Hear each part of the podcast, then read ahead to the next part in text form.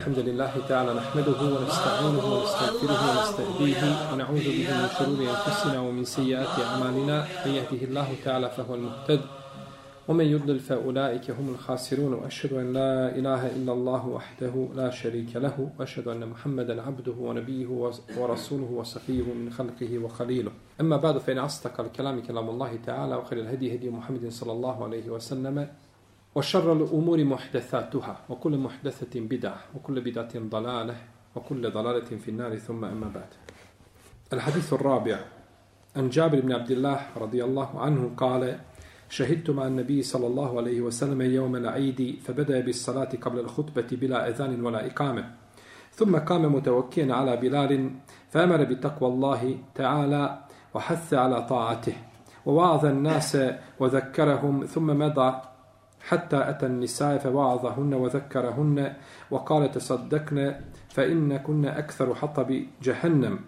فقامت امرأة من ستة النساء سفعاو الخدين فقالت لما يا رسول الله؟ قال إن كنا تكثرن الشكاة وتكفرن العشير.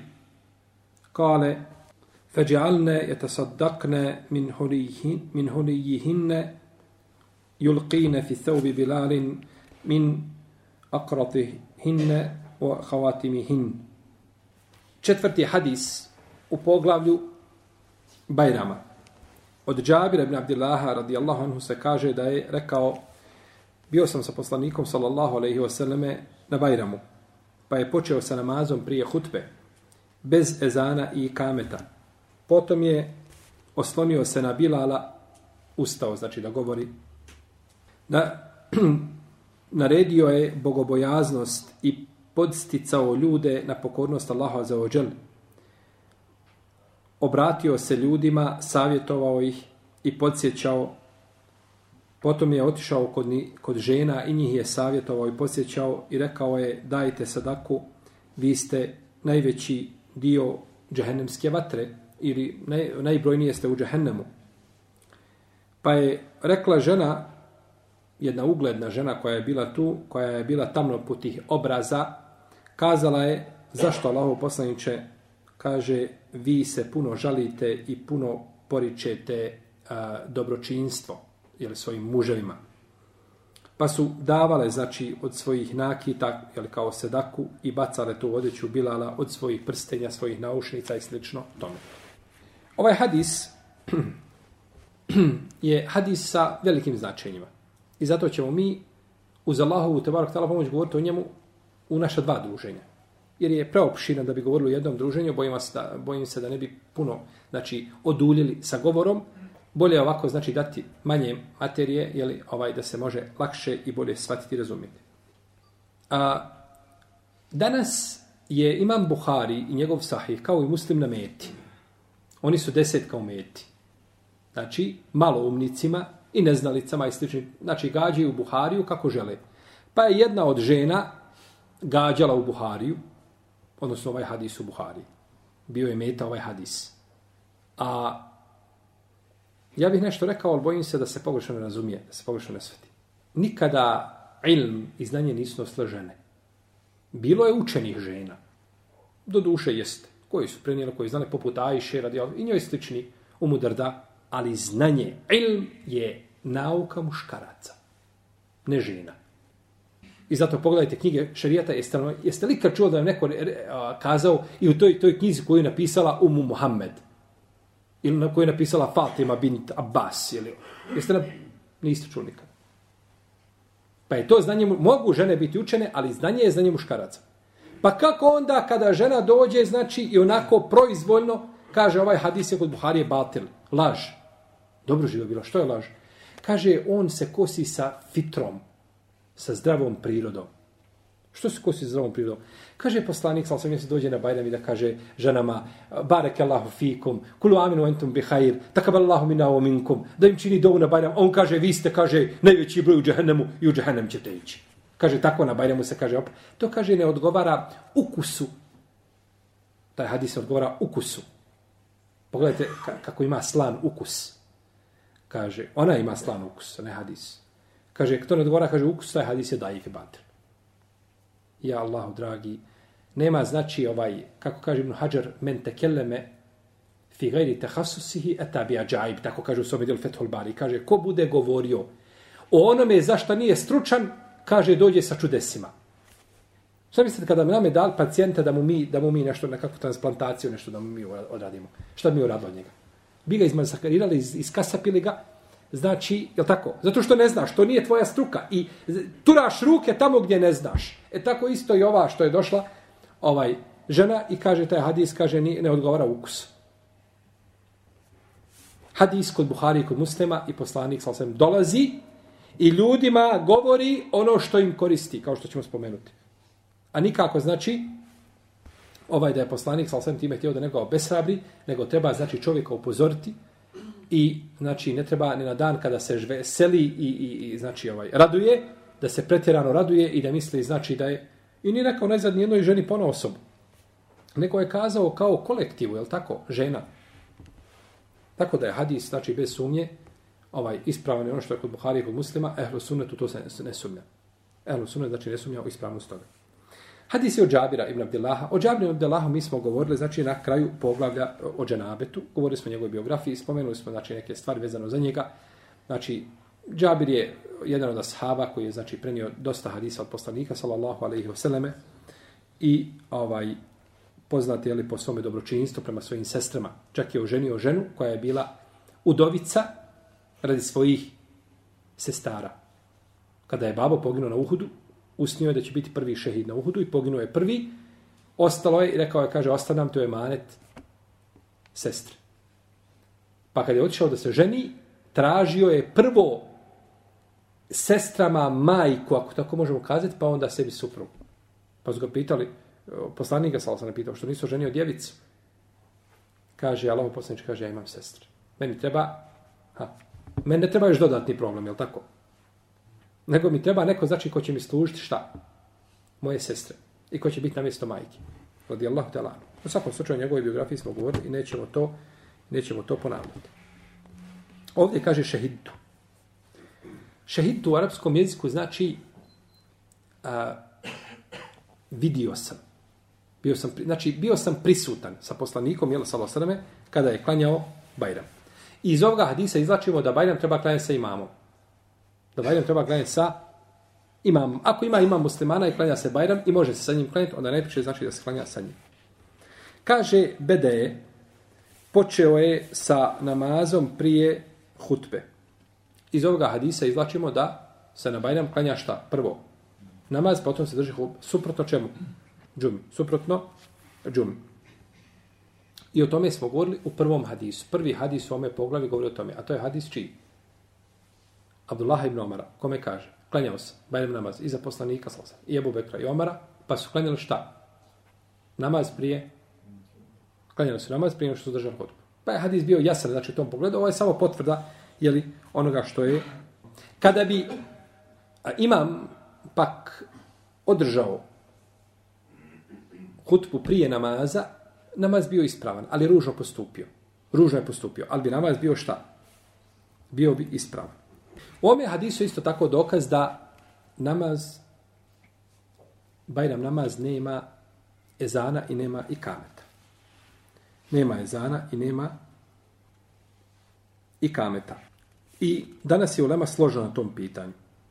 Tako se prenosi od Hulefa i Rašidina i od Selefa, iako se kod nje navode određena razilaženja, znači po ome pitanju, a, pitanju je zana. Ali danas šta to? Konsensus. Pazite dobro.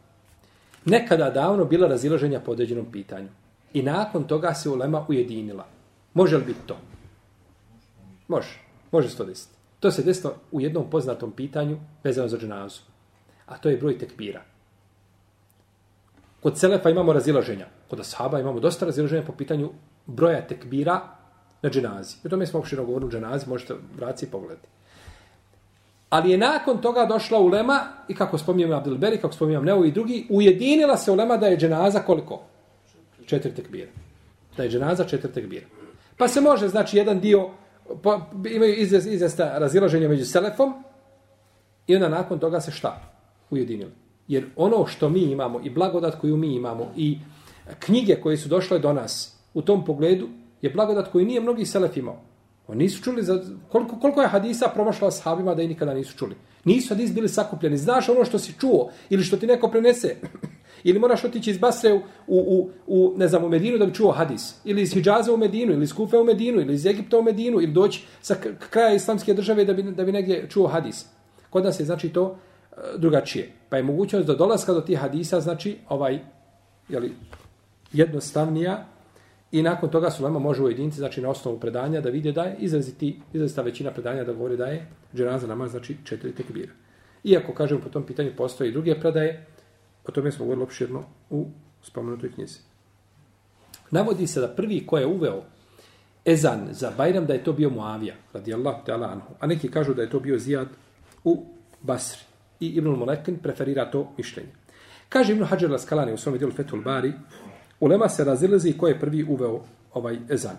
Pa bili živne Bešejbe u svom Musanefu sa vjerodostojnim lancem prenosilaca od Sejde Ibn Musejba da je rekao da je to Muavija.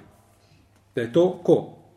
Muavija. A Šafija spominje preko jednog vjerodostojnog ravije od Zuhrija, između Zuhrija, znači Ibn Šihaba i Zuhrija i Šafija, ima jedan vjerodostojan ravija, Šafija kaže vjerodostojan ravija, a da je, da je Jusuf, E, ili Hadžaž ibn Jusuf Sakafi, da je, kada je bio namisnik u Medini, da je postupao po ome, e, po ome mišljenju, znači da je imao šta? Ezan za i kamet za, znači za Bajram. Dobro, kada imam šafija, kaže, pričao mi je pouzdan čovjek od Zuhrija, a Zuhri je medresa hadisa, sam za sebe poznat, je tako? Kao imam, od El Hadžađa ibn Jusuf Sekafija. Je taj hadis vjerodostojan? Nije. Predanje. Je li vjerodostojno? Nije. Zašto? Zato što imam kada rekao da je taj ravija pouzdan. Je li znači da je pouzdan? Bravo. Možda je biti pouzdan kod imama Šafije, ali nije kod drugih učenjaka. Možda će drugi svi kazati imam Ahmedi, i Sufene Seuri, i Ibnu Jejne, i, i ne znam, Ibnu Me'ini, i Ali Ibnu Medini, i drugi da će kazati šta je. On je, on je daif. Kod Šafije je pouzdan, ali kod drugih nije. Pa moramo znati njegovo ime i prezime. I zato kada bi rekao najveći alim hadisa Buharija, kada bi rekao i pričao mi je povjerljiv prenosilac, kažemo to se ne može prihvatiti. Jel u redu? Jer se mora znati ko je. Vidi, pogledajte kako je, subhanallah, kako je hadijska nauka građena na temeljima, nema, nema tu, ovaj, mora se potvrditi da je hadis šta? Sahih. I zato, braćo, osnova kod hadisa da su, je da su daif. I osnova kod svakog ravije da je nepouzdan. Jer me razumijete? Dođete do hadisa. Ja otvorio hadis, kažem ima hadis kod posla, rekao poslanik to, to, to, to, to, ti kažeš šta je hadis daif. Odmah recimo daif. Kaže, nije daif. Kako nije daif? Kaže kod Buharije, recimo da sam. Mora se potvrditi šta njegova ispravnost. U protivnom, imamo, ra, imamo hadis i ne znamo koga bilježi ništa. Je li vjerodostojan hadis? Ne može biti. Imamo raviju, zove se Muhammed ibn Jusuf el Bagdadi. Anonimne biografije, nikoga ne zna. Je li pouzdan ili nije pouzdan? Nepouzdan. Pa je osnova kod svakog ravije da je nepouzdan, osim kod onoga kod koga se potvrdi šta njegova pouzdanost. Tako isto i za hadis. Tako isto i za hadis. Pa imam šafija ovo što je rekao, znači ne, ne može opet biti ispravno. Uh, dalje, Ibn Munzir bilježi od Husajna ibn Abdurrahmana, kaže prvi ko je to uveo bio je Zijad u Basri. A Daudi kaže da je to prvi ko je uveo da je bio Mervan. Dok Ibn Habib kaže da je to bio Hišam, a imamo i predanje od Ebu Kilabe da je to bio Abdullah ibn Zubair, prvi koji je ovo. Pogledajte mi mišljenja različita mišljenja. Mogu li sva biti ispravna? Da je uveo prvi ovaj ili ovaj? Mogu li biti ili ne mogu? Mogu biti sva ispravna. Kako? Znači svako shodno znanju, ovaj kada je rekao Moavija, on govori shodno onome što on znao Moaviji. Drugi koji je rekao da je to prvi bio, Eh, dobro, Hadžađ ibn se eh, postupao tome, Zijad u Basri bio, bio je Hišam, bio je Abdullah ibn Zubeir, ja govorim shodno znanju, ja znam da je prvi, nisam to nikad čuo i kažem prvi ko je to uveo, on je. A u stvari ne znam da je to šta uveo prije toga, ko? Muavija radi Allah ili neko drugi, znači ko je bio. Pa svako je govorio shodno znanju i tu nema kontradiktornosti među, među ovim šta? Predanjima. Jer ponekad predanja mogu biti na prvi pogled oprečna, ne, nego treba znači pomiriti. I zato pomirenje je predanja je prva stepenica kojoj pristupamo, a ih ne možemo, ovaj, eh, znači, kad se vidi nekakva kontradiktornost. Prva stvar što radimo šta? Pomirimo hadise. Jer u pomirenju hadisa je šta? Rađenje po, po oba dva argumenta. Kad pomirimo dva hadisa, kažemo ne, nema, nisu kontradiktorni. Ovaj se hadis odnosi na jednu situaciju, a ovaj hadis na drugu situaciju. Onda radimo i po jednom šta i po drugom hadisu. Nakon toga kažemo, ako ne možemo pomiriti, gledamo da li ima dokinuti i dokidajući. Jer kad ima dokinuti i dokidajući hadis, radimo tad po oba dva hadisa. Ne, radimo po oba. Kad imamo hadis, jedan dokinuti, a drugi dokidajući, jedan hadis dokinut drugi, mi radimo po oba dva hadisa. Jer rad, rad po dokinutom hadisu je da ostaviš rad po njemu. Jer Ti radiš, kako radiš po dokinutom hadisu? Tako što ne radiš po njemu, to je tvoje odazivanje čemu? Dokinutom argumentu. I tek onda na kraju ide, kad, kad se sve pokuša da se ne može, e onda na kraju ide da se terđih, da se odabere jači argument, a da se slabiji odbaci. I to je, to je znači, jako rijetko biva, jer se dva e, znači vjerodostojna hadisa ne mogu ne mogu nikako biti oprešno. Pa ovdje znači nema nikakve oprešnosti znači među ovim predanjima koje su spomenuli. Iako stojali predanja o selefa, znači od ashaba i tabina nisu znači od e, poslanika sallallahu alejhi ve sellem. U svakom slučaju kako god da bilo, koje god da je to uveo, ovaj hadis to odbija. Ovaj hadis ne prihvata to. Jer je u hadisu bilo da je poslanik sallallahu alejhi bez ezana i bez ikameta. I to je to je hudžet, to je dokaz. I blago se onome ko ostavi riječi ljudi radi poslanika sallallahu alejhi radi njegovih riječi. Uz veliko poštovanje naših ashaba, naročito Muavije. Naročito Moavije. I zato, braćo, Sunija treba da kaže uvijek ja slijedim Ebu Bekra, Omera, Osmana, Aliju i Muaviju. Nemo nikad Moavije izbosati. Jer Muavija je trn u oku novotarima koji diraju ashabe. Poslanika, sallallahu alaihi sallam. I kao kaže vam Nesai, ashabi poslanika, sallallahu alaihi su ograda. Oni čuvaju ono što je unutra. Kitabi sunet su unutra, unutar ograde. I oni čuvaju to zdanje kitaba i suneta, ograda ta visoka jaka. A kaže Muavija je vrata. Muavija je najlakše kroz vrata. I onda svi oni kad žele da dođu do Kur'ana i do sunneta, prvo udare na Muaviju. I dok udare na Muaviju, nakon toga onda više niko hurmeta ne. Jest. Neki šafijski učenjaci kažu da je to mekru, neki kažu da može proći. U svakom slučaju, najispravnije je kazati na Bajremima nema ezana i nema ikameta.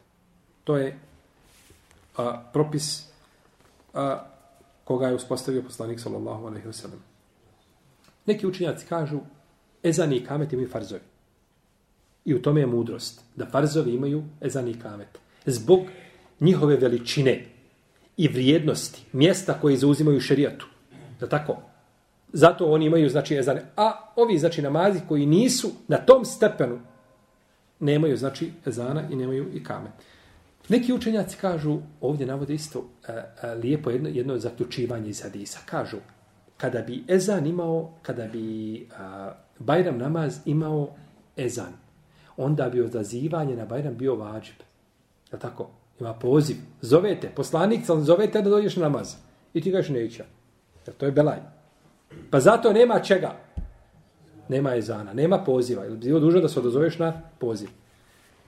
A, neki učenjaci kažu, poput imama Neuvija, kažu, lijepo je da se kaže prilikom da mu jezin kaže es salate džamijaten. Tako da kaže es salate džamijaten. Da pozove ljude tim riječima, znači da se okupe na jedno mjesto. Da ima namaz koji će se obaviti zajednički. A imam Šafija spominio Zuhrija da je poslanik sa osam naređivao na istiska namazu da se kaže salate džamijaten. Neki kažu da se kaže salate sala, namaz, namaz, jeli? I sliša tome, neki kažu da je to pohvalno, neki da je mekruh, neki da nema smetnje. U svakom slučaju, kako god da bilo, a, navodi se u Mursel hadisu da je poslanik, sal sam rekao za Bajram, da se kaže salate džamijatan. To je Mursel hadis. A Mursel hadis je vrsta daif hadisa. Mursel hadis je vrsta da naročito Mursel hadis Zuhrija. Ovdje je došao Mursel hadis čiji? Zuhrija. Zato što je Zuhri braćo od potonjih tabijina. Pa je razlika da između njega i ashaba udaljenost je velika. Za razliku recimo od Ibn Musaiba i od Mujahida i njima sličnjama velikih tabijina koji su bili znači blizu tog vremena. Pa su recimo Mursel hadisi od Sejda Ibn Musaiba jaki da ih neka ulema prihvata. Kažu ne, prihvatamo te Jer ne, ne, ne mogu pojmiti da je između ashaba i Saida ibn Moseiba bio ko? Ko? Tabin. Da je bio ashab, nema, nema, mi kada bismo kazali, braćo, Mursel hadis je kada Tabin izostavi ashaba, kažemo to je hadis sahih. Jer koji, kogod, kod, kog, koga god ashaba, ili koje god ashaba da izostavi, on je šta? Povjedljiv, pa hadis bio sahih. Ali mi ne znamo da li hadis je izostavio koga? Da li je tabin izostavio tabina? Pa ponekad tabin prenosio tabina, pa drugi od tabina, pa treći od tabina. Pa ponekad u hadisu sedam tabina prenose jedan od drugog. Kao hadis da je Kur'an, da je kul huvallahu ehad trećina Kur'ana. Sedam tabina prenose jedan od potom od ashaba. Kad onaj prvi kaže, rekao je poslanik sa Koliko je ravija ostavio sebe i poslanika sa Šest i ashab sedam. Iako spomene ashaba, kad je spomenuo ashaba, ima šest ravija između. Pa je znači bitno da spomene, ha, pa se Mursel, i ovdje Mursel Zuhrija je, šta? Upitan. Krajnje upitan Mursel Zuhrija, on je slab. A ovdje da se analogno e, namazu za, za, ovaj, za pomračenje sunca, da se kaže, to ne može biti analogija. Nema analogija ako ima šta? Imamo tekst. Nema ezana i nema čega. Nema i kameta. Pa ako je to bilo tako u vrijeme poslanika, onda se to tretira novotarijom. I ovaj zato možemo znati znači da danas ono što se radi u dva harema u Mekki i u Medini ovaj za vrijeme uh, Bajram namaza kada mu jezin kaže salatu na'id ethabekumullah Bajram Allah vas nagradio. Znači se pripremiš za Bajram. To je bidat. Jer je to vid čega? Vid poziva. To je vid poziva. To dolazi na mjesto i kameta. Na mjesto resti es salate, džamijaten, ili slično tome, es salate kako rekao Kadija, jad, ili drugi. Nije bitno.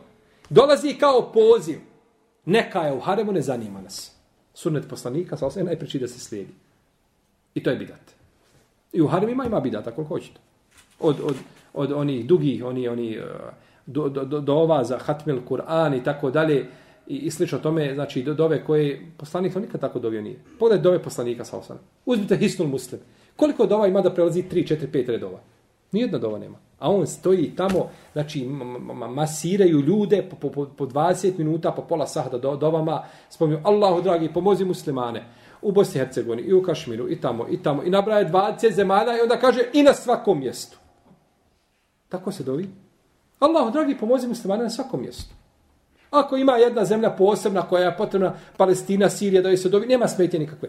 Ali dova je, dova je nešto, znači, koncizno, jasno, nemaš potrebe ti uzvišeno malo da nabrajaš zemlju po zemlju. Nabraj mi ljude koji su toj zemlji. I skupine koje se bore. Uzvišeni Allah te zna koga ciljaš i zato treba dova da bude ti, ti moraš čovjeku, kad nešto tražiš od čovjeka, onda mu pojašnjavaš sve. Ja tako sjeckaš mu da on tebe razumije. Uzvišen je Allah, te varko da zna šta je i zato ta do, dova sama po sebi kao dova takva je bidat, a da ne govorim znači na takav način ovaj, ovaj, ona je svakako neispravna.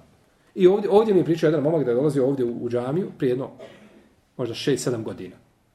Pet ima sigurno. I ovdje je bio jedan naš, dolazio jedan naš brat koji je držao ovaj, koji je na kraju dovio, kaže, Allaha mi sam, kaže, ovako držao 45 minuta je doba bila, kaže ovako sam, kaže, pao na, na ruke, nisam nikak mogao ispruž da padem, nego ovako sam, kaže, pao na, na ruke, na, na laktove je pravo, pao.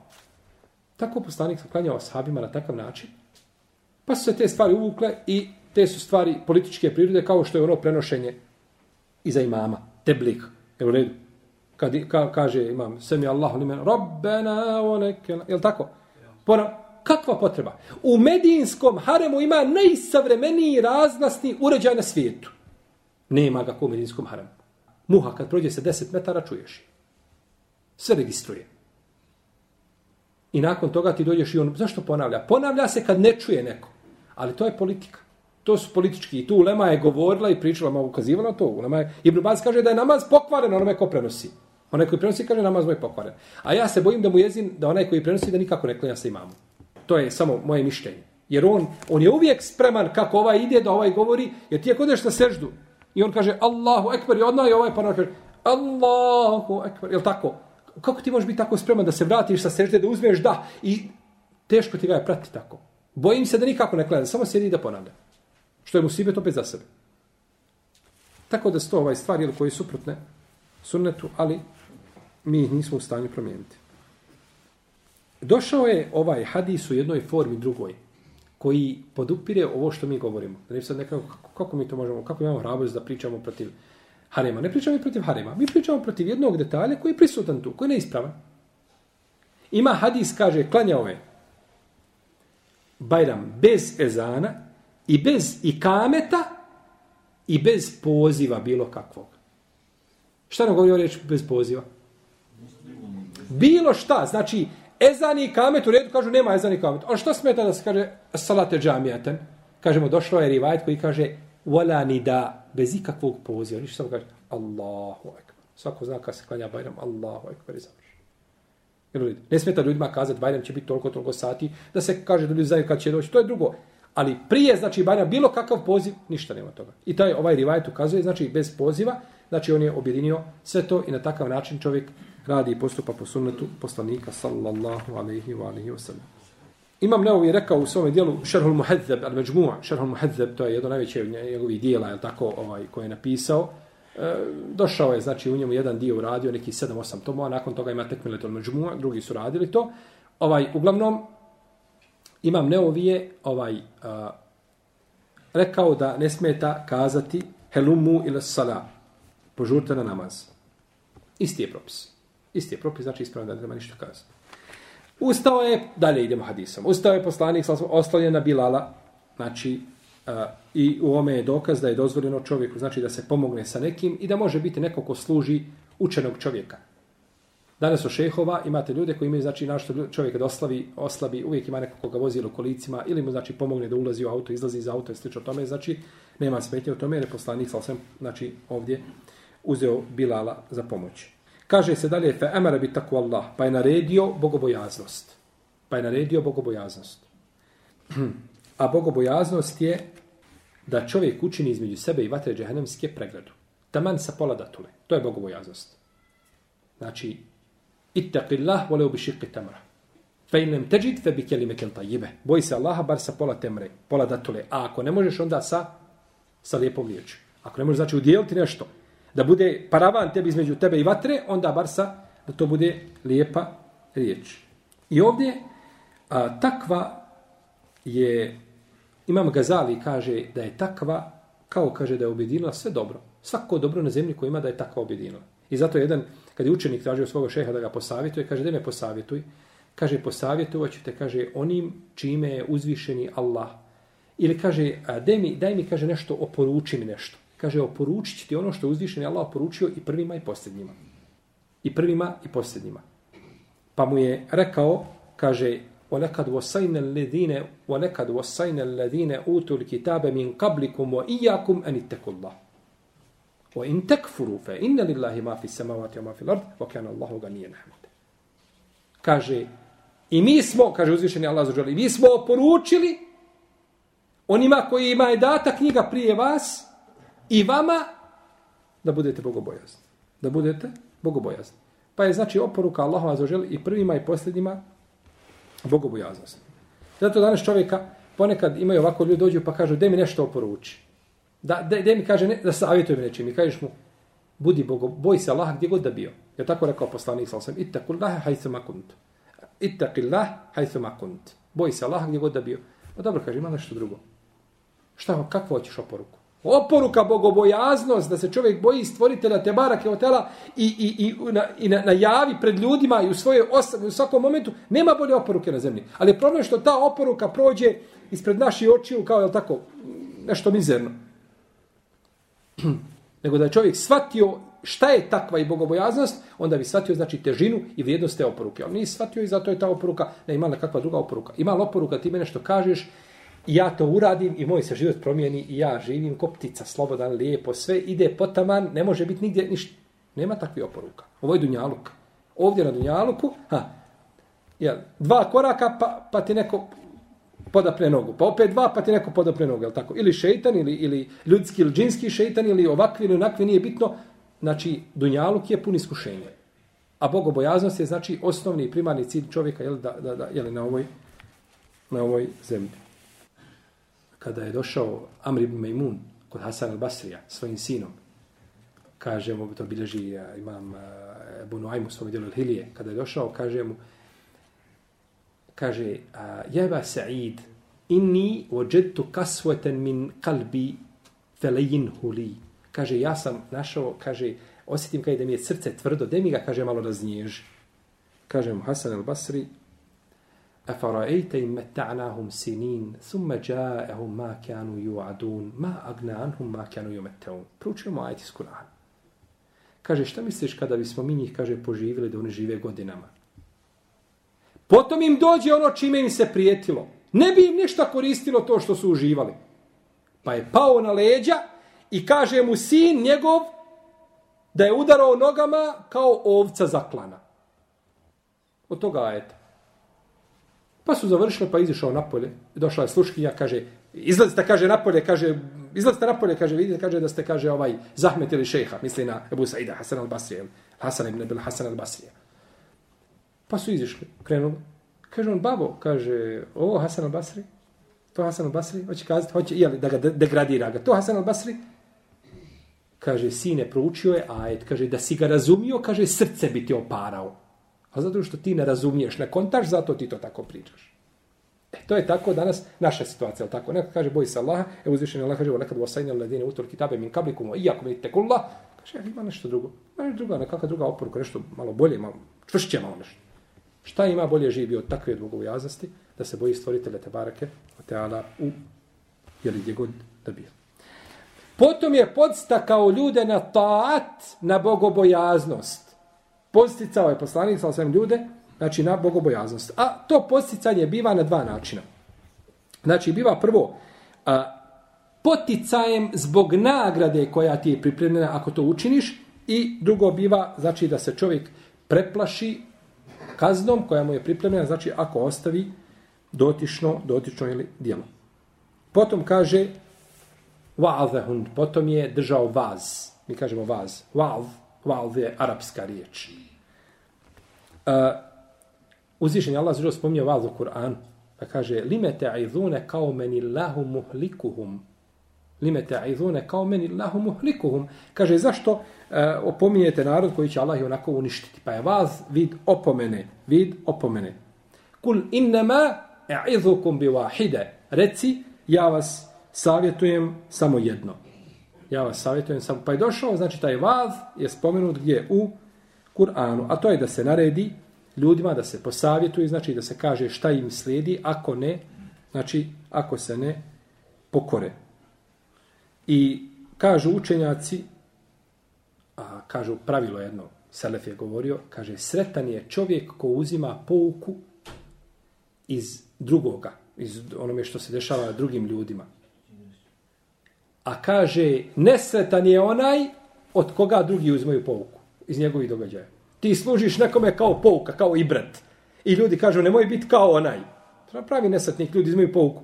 Nego sretan si ti da uzmeš pouku, nekome se nešto desno, nemoj, znači, nemoj plaćati cijenu šta svojom kožom, tako? Znači, ne mora čovjek sve plaćati svojom kožom. Potom ih je opominjao. Opominjanje je da posjetiš čovjeka, znači, na blagodati Allahove azaođel i na to što te je sačuvao ne daće. Da tako? A čovjek je, braće, u pogledu, znači, Allahu i Tebarak tala blagodati, nemaran, a, znači, jer te su blagodati velike, ali problem je što čovjek broji samo iskušenja. Desla se tri iskušenja. I ti sjediš i razmišljaš sam sa sobom, samo što kažeš, Allahu, dragi, što me nisu uzeo? Što me nisi sebu uzeo, dragi Allah? A iskušenje u stvari koja kada bi vidio drugi ljudi, kada bi imali, pogledajte našu braću u Siriji šta preživljavaju, kroz šta prolaze, gdje im djeca bivaju. U jednoj kući četvoro, petero, šestoro dje, uđe raskoma dana djeca, nema ih nikako. Izbjegao gore, pobjegao, nigdje ništa nema, znači, apsolutno ljudi, znači, sve preko noći izgubili. Tebi se probije guma u auta, ovaj, ti još samo ne kažeš, Allahu dragi, ovaj, jesi li u ovom danu, današnjem, ikoga iskušao na zemlji kao mene? Ja sam i bre danas ljudima je povukao u iskušenjima. Zato što se našao da, da, da je auto leži na zemlji, tako? Znači, ljudima se, ljudima se dešavaju velika iskušenja, samo što je problem kod čovjeka, što on broji šta? Iskušenje, a ne gleda šta? I dan osvanuo si živ i zdrav, ustao, nije se kičma ukočila živ bio. Možeš dalje Allahu azuđel na seždu pasti. Pa ima li veća blagodat toga da ustaneš zdrav i Allahu na seždu padneš ujutru na sabah. Subhanallah, kako može biti? Ali kažemo, problem je kod čovjeka zato što gleda samo šta? Što mu se dešava, znači, od, od nedaća. Pa je ovdje, znači, uzvišen je Allah spomenut, zahvaljeno mu je spomenut njegov teuhid, iskazan, zahvala Allahu i to je od ciljeva hutbe. Znači, hutba treba biti, znači, hutba treba biti ljudima kratka prvo, treba i duga, ciljana. Da čovjeku, želim ti kazati, poruka moja je, boj se Allaha. Poruka moja je, ha, pazi na Allahove granice. Poruka moja je, slijedi sunet poslanika, jasno da bude. Ja sam u petak došao ovdje, kad sam završio hutbu, govorili smo o šefatu. Priđe mi čovjek, Arab, prvi put je on ušao u džamiju, nikad ovdje nije bio. Sve on pohvalio, hutba je stvarno, kaže, sve on to, jeli, sve je to u redu, ali kaže da Bog da je bila neku drugu temu. Ja mu kažem, u redu, lijepo. Dolaziš ti ovdje u džamiju, koji neka ja sam ovdje prvi put. Prvi put ulaziš u džamiju i čuo si hatiba kako priča. I prvi put, i kažeš kako bi hutba trebala biti neku dobro u redu, na koju drugu temu? Da mi reci na koju drugu temu bi ti volio da bude. Javi nama ranije, pošaljem nekako poruk, faks, nešto, pa ćemo i pripremiti hutbu kad ti dolaziš da bude hutba tebi. A ovo ovdje, ovo što sjedi, ovo, ovo ljudi, ovo, to ćemo sve maknuti na marginu da ti čuješ hutbu koju ti volio čuti. I prvi put ulaziš, prvi put čuješ, kaže da Bog da je bilo neku drugu temu. Ja, Ahel Kerim, hutba, on hoće da hutba bude politička.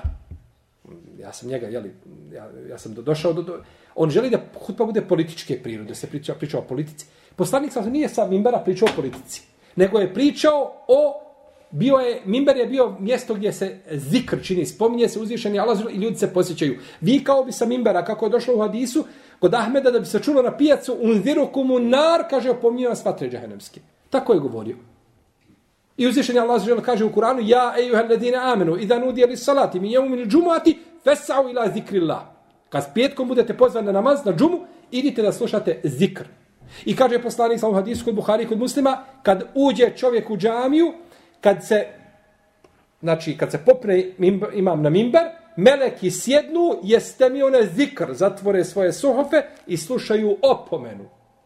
Pa je hutba da bude opomena, a nije da bude politička. Ne smeta određeni događaj politički da se prokomentariše kroz hutbu, to nije sporno.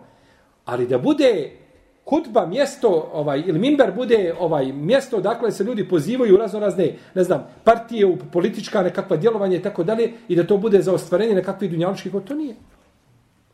Ali je čovjek došao i on je nešto imao u glavi on ima ovaj ne kažem živi bio nisi u pravu ovako ovako biva. Znači niti on zna šta se priča ni kako se priča i tako dalje to je neispravno, znači neispravni je pristup njegov bio općenito, a našto tako je li što želi da hutba bide, bude je li ovaj političke prirode. Potom je otišao dalje poslanik sa do žena i njih opominjao i savjetovao. I ovdje se spominje da je to bilo poslije hutbe. Kako je došlo kod muslima u Sahihu, kaže se a, da je sišao sa mimbera, otišao i opominjao ih. Znači, nije bilo poslije čega. A u jednoj predaji se spominje da je bilo da je obavio hutbu i potom otišao do žena. Znači, postoje različite verzije u tome da li je poslanik ali sam završio hutbu pa otišao do njih ili je to bilo za vrijeme, za vrijeme hutbe. A, nema smetnje da žene budu u jednom međlisu sa muškarcima da slušaju nauku ako u tome nema, nema uh, fitne. Znači da žene budu negdje iza da slušaju i tako dalje. Ako ima paravan, to je još bolje. Da slušaju u tome, znači, nema smetnje. A, jer je a, poslanik je sam otišao ovdje do žena. Ima hadis kod Buhari u njegovom sahihu. Ovaj, pogledajte hadis, ovaj, a, pročitajte hadis pod brojem 101. Imate Buhariju sigurno. Znači, Če uzmite, otvorite prvi tom, broj hadisa 101. Mislim da me pamćenje ne vara da je 101. Tamo ima hadis da su žene kazala Allahu poslanice kaže muškara, muškaraca ima puno oko tebe, gužvaju se, mi ne možemo, kaže, mi bismo da, da slušamo nauku, pa im je odredio jedan poseban dan, pa im je dolazio i govorio. Poseban dan dolazio, znači i posjećao, jeli, ovaj sahabike, odnosno govorim o islamu. U ome hadisu je isto dokaz da žene trebaju doći na Bajram. Je li tako? Da žene trebaju doći, su dolazile sa poslanikom, sa osadame, na Bajram. I to je bilo u vrijeme poslanika, sa osadame, i tada su dolazile, znači, sve i djevice i žene koje živjeli u svojoj hidri, znači oni svojim posebnim odajama i žene jeli, koje su bile majke, slično tome. Kaže Ibnul Molekin, slušajte dobro, Ibnul Molekin je umro 804. hiđarske godine. Evo ovdje, ako se ne varam. Jeste, 804. hiđarske godine. Evo ga ovdje umro. 723. rođeno, 804. umro. Kaže Ibn Mulekin, ovako, vidite. Kaže, ovo je bilo ovaj u vrijeme poslanika, salasam. Ali danas, ako je islamska država bila jaka, Šerijat sudio, kaže, ali danas, u naše vrijeme, neće izlaziti mlada i lijepa djevojka. Mlada i lijepa ne izlazi. Nego izlazi žena onako prosječe nekakve ljepote ili tako da. Ona izlazi. Ali ove mlade, lijepe, one ne mogu šta. Izlaziti na bajla. U vrijeme Ibn Molekina, rahimehullahu ta'ala. Ovdje svakako ima jedan problem. Ko je taj ko će odrediti koja je žena lijepa? Upitaj bilo koji ženu jesi lijepa. Kazat će, ja moram pod hitno staviti nikab. Da, jer ja kad izvijem na ulicu, to, znači to, to se auta okret, um, um, svako se okreće u mene gleda. Svaka žena sebe vidi šta? Lijepom. Tako i treba. Nek se vidi lijepom. Ko će odrediti koja je žena lijepa, koja nije lijepa? I ko će kazati ka... Tako da je ovaj, ova podjela je malo sporna. I on navodi onda predaje od Ajše radi Allah da je kazala da kada bi znao poslanik sallallahu sallam šta su žene uvele nakon njega, kaže zabranio bi im zlazak u džamiju. Ja subhanallah ovoga našeg selefa jesu oni čudni bili. Kaže zabranio bi odma ta generacija tabina šta su uveli, kaže zabranio bi izlazak u džamiju. Hvala Allahu ono što nije Ajša u našem vremenu. Ona bi tražila od Allaha da nikako ne dočka sabaha, zori da, da, da, da, da, da je sebe uzme. Radi Allah te anha. Pa su nama razilazi po pitanju izlaska žene jeli, na polje, e, na, na, na Bajram, jeli, pa su, ne na polje, nego na Bajram, mislim. Pa je, neki su dozvolili, drugi su zabranili. Od Ebu Hanife imamo dva rivajta, da sad ne spominjem sve imena, bojim se da udulit ćemo ovaj, samo spominjući imena. Ebu, od Ebu Hanife imamo dva rivajta, ovaj, kažemo, neki su napravili razliku između mlade djevojke i one koja to nije. Imam Tahavija kaže da je to bilo u prvo vrijeme Islama, potom je to, znači, da, da bi se što veći broj muslimana šta okupio, potom je to šta? Dokinuto kasnije. To je bilo u prvo vrijeme Islama, potom je dokinuto. Uh, u svakom slučaju, uh, teško je ovo, ovu tvrdnju treba potkrijepiti, znači argumentom kada je to bilo u prvo vrijeme, kada je nakon toga dokinuto, moramo znači znati hadisi kad su izrečeni, tako da ne može se znači o tome uh, tvrditi, a doćemo naredni hadis umut a ti je lensarije, ne naredno predavanje, nego naredni hadis.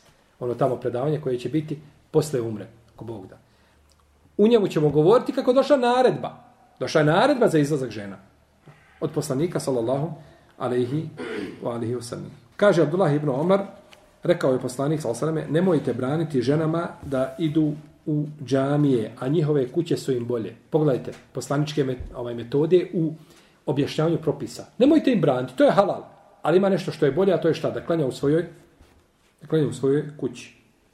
I bilježi ima Mahmed i Tabarani od umu Humeid Sa'idije da je kazala, ili da je došla kod poslanika, sallallahu osam i rekla, Allahu poslanič kaže, ja volim da klanjam i za tebe. Kaže, eto, znaš da, kaže, voliš klanjati za mene? Kaže, namaz u tvojoj kući je bolji od namaza, to je poseban dio u kući koji je zagrađen, znači nema, nema dodira napolje, nikako nema prozora, u redu. Bunker u kući.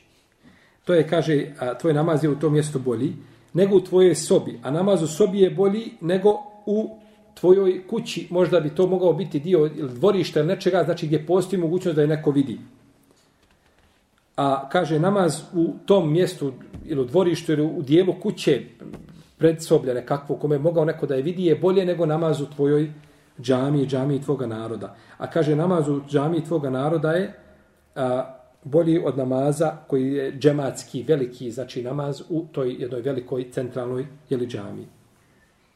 Pa vidimo znači koliko da je namaz žene u njenoj kući bolji od njenog namaza u poslaniku i salasem džami i za Allahov poslanika salasem. Ako je tako, pa onda je bolje, jel tako, i za Huzeifija, i za Salah al-Budeira, ili bilo koga drugog od, jel tako, medinskih imama u Haremu, jel tako? Dobro, ovdje Aisha radijallahu ta'ala kazala jednu stvar. Kaže, kada bi poslanik sa osvrame znao, kada bi poslanik sa znao šta su žene, znači poslanik sa nije znao i nije šta zabranio, pa je propis hukma o dozvoli ženama da izlaze u džamiju ostao ili je dokinut? Ostao. Ne može riječi ashaba, ne mogu dokinuti ono što je poslanik, na čemu je ostavio, jeli, na čemu je ostavio a, jeli, ljude. Tako da je propis i dalje validan i dalje je aktuelan. Je li Aisha radijallahu ta'ala jasno kazala da je to zabranjeno? Ona kaže, ha, kada bi poslanik sam znao, zabranio bi im. Mi iz tih riječi možemo zaključiti da je ona težila ka čemu? Ka zabrani izlaska žena. Ali nije jasno. Jer nije jasno. Ali ovdje možemo kazati jednu stvar. Uzvišeni Allah, ako poslanik sa nije znao šta se desiti nakon toga, znao naš gospodar razvođa. A uzvišeni Allah kaže, Oma kane rabbu kenesija, a tvoj gospodar nije taj koji zaboravlja. Pa bi taj propis, znači kako vrijedi za njihovo vrijeme, vrijedi za naše vrijeme, znači vrijedi do sudnjega dana da je ženama dozvoljeno da izlaze znači u džamiju. Ovo govorimo radi namaza. A ako u džamiji ima, gdje se poučava vjera, gdje ima halka, gdje ima, onda taj izlazak može biti obavezan. Može taj izlazak biti obavezan.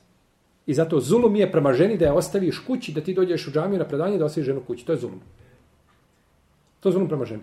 Ti želiš da tvoja supruga odgaja tvoju djecu. Kako će odgajati kad je džahilka?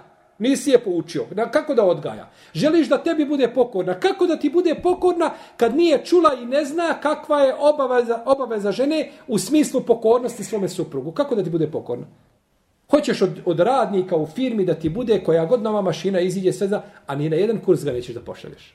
Jer, jer kurs treba plati, jel tako? I radnik dođe nova mašina, kažeš, idi radi. Pa kaže, nisi, trebaš me poučiti, pa onda tražiš to od mene, jel tako? Tako i žena. Trebaš me poučiti, živ bio, kako da ti budem pokorna i čime me uzvišen jala duži i onda sankcioniši moju nemarnost. Pa je znači, e, po poučavanje vjeri, to je obaveza muslimanima. Kaže, završit ćemo skoro. Dobro. E, kaže, dajte sedaku. Dajte sedaku. Ovdje je naređeno davanju sedake onim osobama koje su sklone da čine šta? Grije. Koje grije? Nezahvalnost mužu, ovaj, je tako? Nezahvalnost mužu i, i, poricanje dobročinjstva tako i da se puno žale, puno znači se ovaj žale na, na, na, na stanje i na hal, jel u redu? Znači, sklone su žalbama. I žene su po pitanju Dunjaluka puno osjetljivije nego muškarci. Puno osjetljivije. Pitanje Dunjaluka kod žena je veliki problem. I to je znači kroz historiju poznato i to su pravila znači da žene u tom pogledu znači nemaju ovaj a, nemaju čovjek bi mogao reći ženom. pakujemo se idemo živimo u Siriji idemo u, u, u Egipat idemo ne znam u Irak idemo učiti ne ići u džihad u redu biskvit generacije ne idu u džihad Dole trebaju muškarci, u redu. Biskviti dole ne idu. Znači, a, idemo dole da učimo jezik. Pa ćemo živjeti dole, Allah će dati nekakvo rješenje. Hajmo sve prodati i ostaviti. Najveći otpor i pružit ga žena prije muškarca. Ne mora biti generalno pravilo. Ali žene su, znači, jako osjetljive ovaj kada je u pitanju, znači, dunjalko. Pa je ovdje poslanik, sam sam naredio, onima koji su skloni da čine grijehe, da šta daju? Da daju sedaku. I ovdje je dokaz da sedaka čuva čovjeka od čega? Od vatre. Da čuva čovjeka od vatre. I zato čovjek ne treba spriječavati svoju suprugu ako želi nešto da od svoga zlata, od onoga što ima da da za sedaku, ne treba je to spričavati, jer i njemu je znači isto tako nagrada u tom pogledu. Pa je, znači, ovdje je spomenuto jedna bitna stvar, a to je, znači, a, nepokornost ili, ili da, da žena a, ne cijeni svoga muža. A, nije mu zahvalna. Cijeli dan radi cijeli dan radi kao je li ovaj rob na baušteli od jutra do naveče i vrati se kući i ne čuje od njeni riječ zahvale da te Allah poživi, da te Allah da, da ga dočeka na vratima, da mu kaže lijepu riječ, da osjeti da, da, da, da, ima, da, mu, da mu neko zahvaljuje na tom trudu koga ulaže zbog njih, zbog svoje porodice, ništa. Nego dođe kući, dok kaže, dok je došao, u, dođe, kaže, vamo, dolaz vamo i sjedni. Sjedno je zasto da pričamo. Ima ona sad, ona je nešto načula, nekakve priče i odmah ona njega dočeka, ali tako tim, ovaj, tim grubim frazama ga i šamara, ali tako, on je onako sam slomljen. Ni, ni, pa živa bila, ja trpim danas šefa i poslovođu i ovoga i radnike oko mene i trpim i, i, i, i hladnoću i vjetar i snijeg. Sve me udara i na večer još dođem u kuću nemam svoga rahata i nemam mira, nego me ti dočekaš na takav način. I to je znači zločin od strane žene. Da je znači nezahvalna svom mužu vidimo da to, da je to vodi izravno u džehennem. I ovo znači mu'minka koja ovo svati, svati će znači kolika je, koliko je pravo znači muža kod, jeli, kod njene, Eh, jeli, kod, kod supruge. I ome hadisu je dokaz da čovjek može ponekad nekome, može biti grub prema njemu u nasihatu. Ali da mu pojasni zašto je. Jer u redu. Neko nešto čini i kažeš to što činiš, to vodi izravno u džehennem. To je grub nasihat, je tako? Ali kažeš, zato što je poslanik, sam rekao, ko bude činio to i to, ha, jel u redu? Pa da se pojasni, jer je ovdje poslanik, sam šta? Pojasnio, pojasnio je, jeli, a zašto je najveći dio ovih žena gdje u, u vatri, tako? I u ovome hadisu je zadnja stvar koju ćemo spomenuti, završavam ako Bog da, a, u njemu je, znači, dokaz da čovjek treba pričati ljudima ono što im treba, što im koristi, a ne što bi ljudi voljeli da čuju. Jer ovdje ljudi ne bi voljeli da čuju da mu kažeš, jel tako ovaj, nemoj to i to, nemoj, ne bi voljeli da to čuju. To im teško pada. Ali mora neko govoriti ono što im šta? Što im koristi. Pa imam treba znači da kaže ljudima ili onaj ko im govori ono što im koristi. Pa kažemo na primjer ljudima kad se završi bio živ namaz kad se završi, nemojte odmah skočiti i trčite u trgovinu. Trgovina je tu fiksna, ona neće nikud pobjeći. Vaša. Ništa iz nje pobjeći neće. Sve je tu. Kad završi namaz, sjediš, ozikriš svoje. Sviriš svoje dijete pored sebe, jer ako ti skočiš tri puta i dijete pored tebe, ti si ga naučio da postaje namaza da se skače na noge. Jel redu? To je terpija djetu. Nego kad pođe, sine, sjedni i zikru, hajde, zikri sa mamom. Pa je to odgoj. Ali taj odgoj ne može preći na, znači na ovaj potomstvo ako babo to ne praktikuje. Je tako? Kad je vrijeme predavanja, kad je predavač sjeo na mjesto, sina za ruku, sine, počeo predavanje, dolazi vamo, sjedni slušaj predavanje samo. Pa je, molim, ovaj, pa je To je, to je, to je terbija. Čovjek svojim znači, primjerom pokazuje djetetu šta, kako treba, kako treba postupati. Pa je, znači, dužnost da govorimo o našim mahanama i greškama, a ne da sami, jeli, sebi samo, jeli, laskamo.